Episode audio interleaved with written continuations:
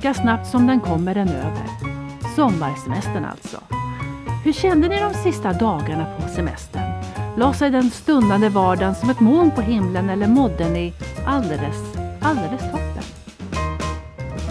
Slutet av semesterångest och söndagsångest för den delen, det tänkte jag prata om i det här avsnittet. Välkomna till Mind My Business, podden om välmående och balans i vardagen. Jag heter Ulrika Danneryd Gustafsson och jag arbetar som coach och föreläsare. Som coach är en av mina arbetsuppgifter att coacha mina klienter till att bli den bästa och starkaste versionen av sig själva. Det är vad personligt ledarskap handlar om. Och det är också vad jag pratar om och vad som löper som en röd tråd genom den här podden. I förra avsnittet pratade jag om hur vi känner inför semestern. Alltså vilka förväntningar vi har och vad vi behöver för att kunna hitta närvaro. För er som lyssnade så kommer ni kanske ihåg att jag pratade om att just allt för högt ställda förväntningar är skälet nummer ett till att vi blir stressade på semestern. Ni vet, förväntningar som inte blev infriade för att de kanske inte var kommunicerade eller att de inte var med verkligheten överensstämmande eller att något helt enkelt kom i vägen. Och inte minst då hur vi upplevde och lyckades hantera det. Jag hoppas att ni fick tanka på den där återhämtningen under, under semestern som är så välbehövlig och jag hoppas att ni alla har haft en riktigt, riktigt härlig sommar. Så hur kände ni då inför att komma tillbaka till jobbet eller era vardagliga rutiner, nej jobb, studier, föräldraskap eller vad det är ni gör? Kändes det roligt? Kände ni er nyfikna? Kändes det befriande att komma igång igen? Kanske några av er har börjat något nytt? Nytt arbete med nya rutiner och nya arbetskamrater. Hur kände ni inför det? Kanske reflekterade du inte nämnvärt över att gå tillbaka utan det var helt naturligt. Ja, och som semestern då har varit fylld av konflikter med familj och vänner. Och ja, de här konflikterna tenderar att komma upp till ytan när vi får tid med varandra. Och då, ja det är klart, då är det många som längtar tillbaka till jobbet och till rutiner. Och så finns det de som känner motstånd och stor olust inför att semestern tar slut och upplever att det är faktiskt inte bara semestern som tar slut. Sommaren börjar tacka för sig och det blir mörkare och vi sätter på oss strumpor och ja, det är som en mörk himmel tornar upp sig. Och jag tror förvisso att vi alla kan relatera till den olusten då och då, men det är när den blir ja, den här annalkade slutet av semesterångesten, ja, när den tar för stor plats. Ja, som jag tycker att det är läge att verkligen kika på vad den handlar om. För tar den för stor plats så tar den också för mycket välmående av oss. Och då finns det givetvis olika grader av ångest. Och om den är alltför stark och man kan inte hantera den själv, ja då finns det oerhört bra hjälp att få av fantastiska och oerhört kompetenta terapeuter och psykologer. Det finns faktiskt hjälp att få. Det jag zoomar in på här, det är när vi upplever en förvisso stor olust och ett stort motstånd och kanske även ångest inför att återgå till vardagen, men det har inte tippat över till att bli ohanterbart.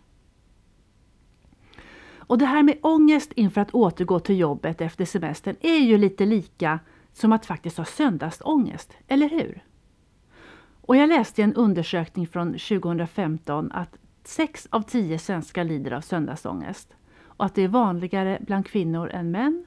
Och att det mångt och mycket har att göra med prestationsångest, stress, otydlighet, otydlighet i ansvar, lågt självförtroende, ja, låg självkänsla.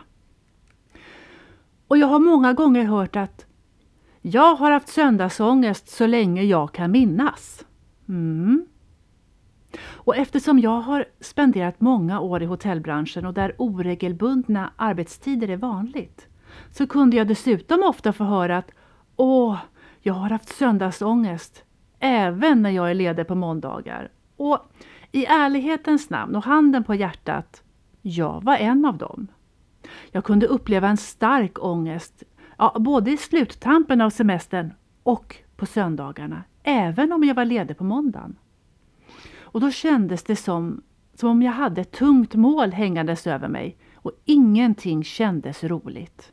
Jag avundades mina vänner och kollegor som kunde slappna av på söndags eftermiddagarna för jag kunde inte känna närvaro. Det kändes som om jag var fast i limbo. Fast mellan två världar.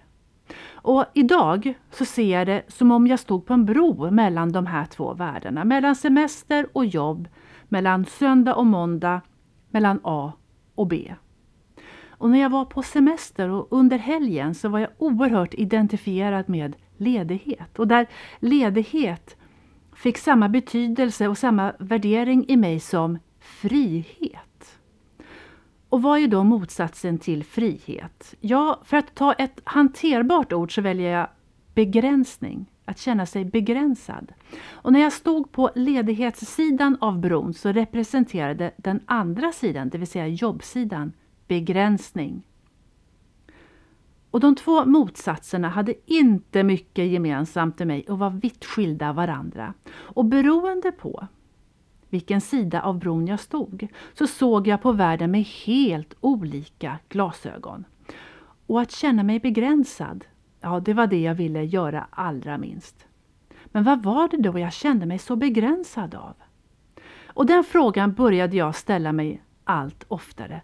Vad var det jag kände som begränsade mig? Vad var det jag blev så begränsad av? Därför att när jag väl hade gått över bron, ja då kändes det ganska bra. Ja, till och med riktigt, riktigt roligt. Det var någonting med att gå över den där bron och det var någonting med att skifta inställning i mig själv. Det var någonting med de där kontrasterna. Vad var det det handlade om? Vad var det som var så hemskt? Och det finns givetvis ofta en, en grund till varför vi upplever, får jag kalla det broångest? Och som jag sa tidigare, låg självkänsla, prestationsångest, stress. Och det kan vara alltså att det har blivit en vana att tänka på det sättet. Det vill säga, hörni, vi tänker de tankar vi tänker mest och våra tankar påverkar våra känslor och vice versa. Det hade för mig alltså blivit en ovana att tänka så. Det gick på automatik.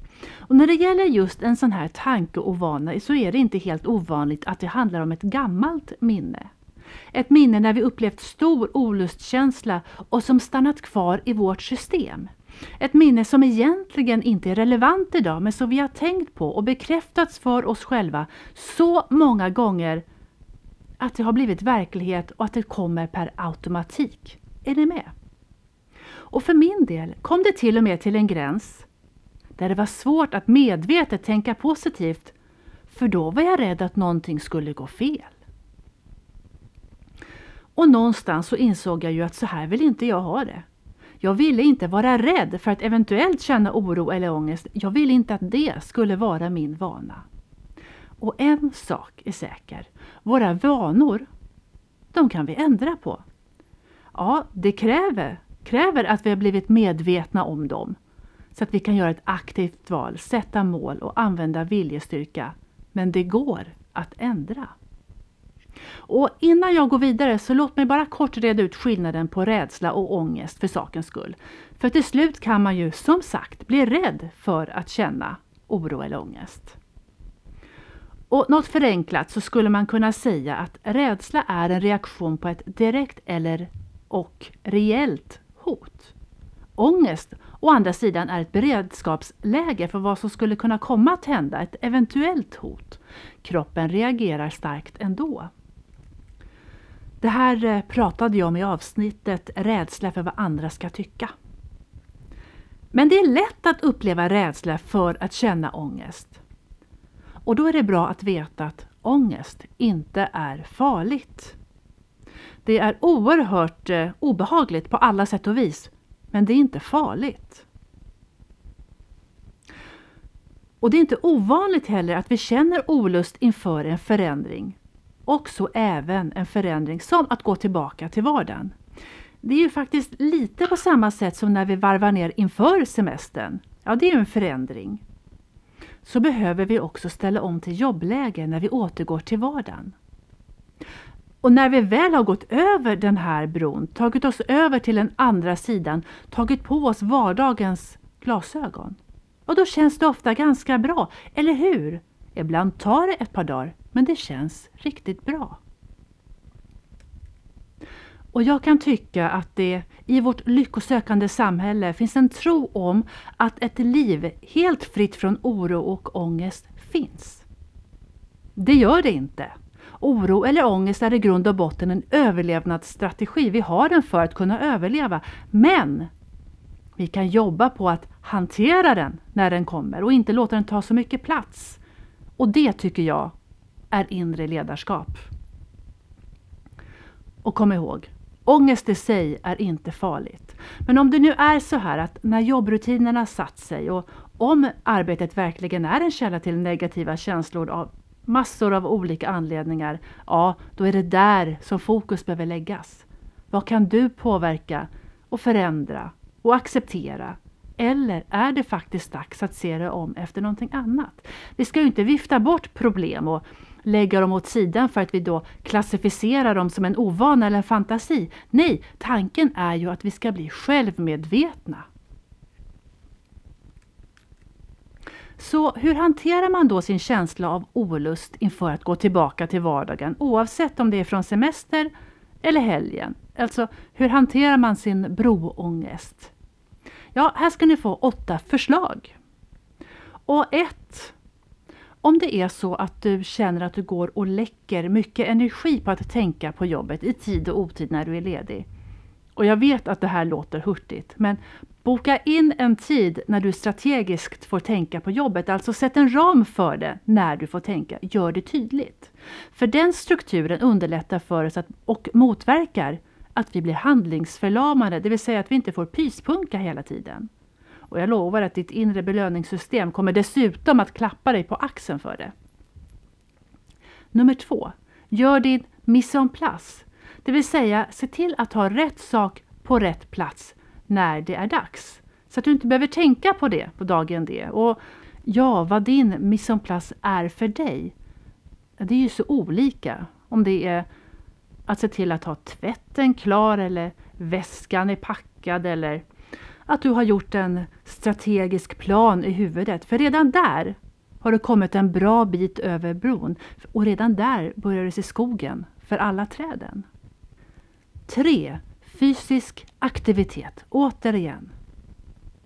Regelbunden fysisk aktivitet. Alltså hellre ofta och lite än sällan och mycket och gärna utomhus. Ni vet, kroppen älskar rörelse och blodcirkulationen ökar. Kroppen kan ta bättre hand om stresshormoner och med färre stresshormoner i kroppen mår vi bättre. Och även hjärnan tycker om fysisk aktivitet och då till exempel så frigörs dopamin och serotonin, det vill säga signalsubstanser som förenklat är bra för humöret och för reglering av känslor och beteende. Alltså, ja ni hör, ut med oss i spåret och få upp pulsen rejält och gärna nu när det blivit lite svalare ute. För jag återigen har läst en rapport här nu från 2011 att lycka maximeras vid 13,9 grader. Ja, vad vet jag? Nåväl. Det är den aktivitet som blir av som är bäst. Och vilken aktivitet tycker du bäst om som kommer att bli av? 4. Undvik alkohol och droger. Behöver jag säga mer? 5. Prata om det. Berätta för någon hur du känner och vad du behöver och var så tydlig som möjligt. Lämna inte tolkningsföreträde till någon annan att gissa vad det är du behöver när oron kommer krypandes. Det är gott att få reflektera och sätta ord på vad det är man känner och tänker. Ja, och söndagsångest kan ju även vara en sån där diffus känsla som ofta får svaret Jag vet inte varför jag känner ångest. Men när man får säga det högt och får prata runt det så brukar pusselbitarna falla på plats och en tydligare bild tar form. Och ta hjälp av ett proffs om du känner att det skulle vara hjälpsamt för hörni, man behöver inte klara allt själv. Nummer 6. Skapa rutiner som du mår bra av. Framförallt om du känner söndagsångest. Hjärnan tycker om repriser och då brukar man ju säga att en gång är ingen, ingen gång och två gånger ett försök och tre gånger en tendens. Ja, det tar tid att skapa rutiner. Men när de väl är förankrade så är det någonting tryggt att luta sig mot när det blåser. Rutiner är ett värdefullt vapen mot oro och stress. 7. Sömn är viktig. Och att koppla av innan sängdags och läsa en bok istället för att använda paddan. Ja, men det här är ju saker vi vet, eller hur? Och hur gör vi? Mm. Dessutom så är ju fysisk aktivitet ett utmärkt sätt för kroppen att lättare kunna koppla av.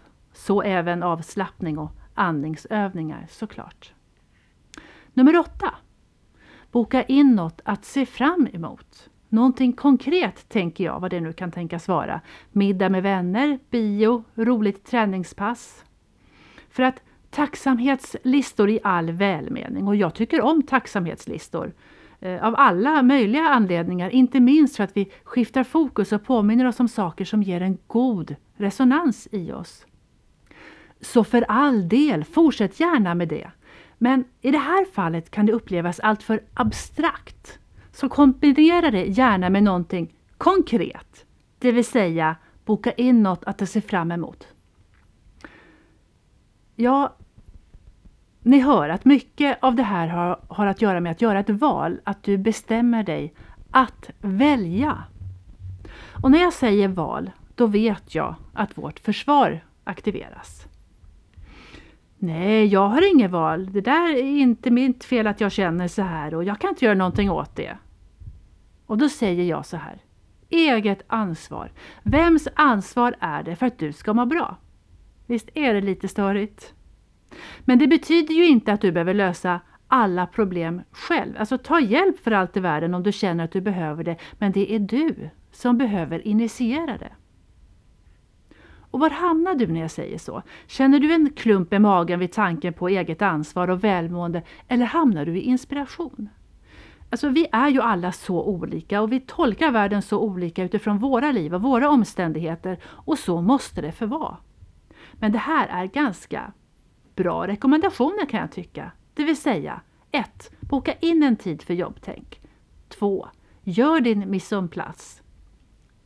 3. Fysisk aktivitet. Ut och rör på dig. 4. Undvik alkohol. 5. Prata om det. Sätt ord på det. 6. Och den här kanske jag tycker är bland de bättre. Skapa rutiner som känns bra. 7. Sömn. Lägg ner paddan. Och 8. Gör ett aktivt val att hantera din broångest. Och så avslutningsvis, kom ihåg, när vi väl är igång igen så känns det ofta riktigt, riktigt bra. Ni vet, när vi har tagit oss över bron så känns det okej. Okay. Vi behöver påminna oss om det och låta det få fungera som ett mantra och, och tänka de tankarna fler gånger än att förstärka de negativa. Ja, men då så. Då har jag sagt mitt för den här gången och jag tycker att det känns jätteroligt att vara igång igen. Så stort och varmt, varmt tack för att ni har lyssnat. Och tyckte ni om det? Ja men likea, dela eller lyssna igen nästa gång. Tills dess, ha det riktigt bra. Hej då!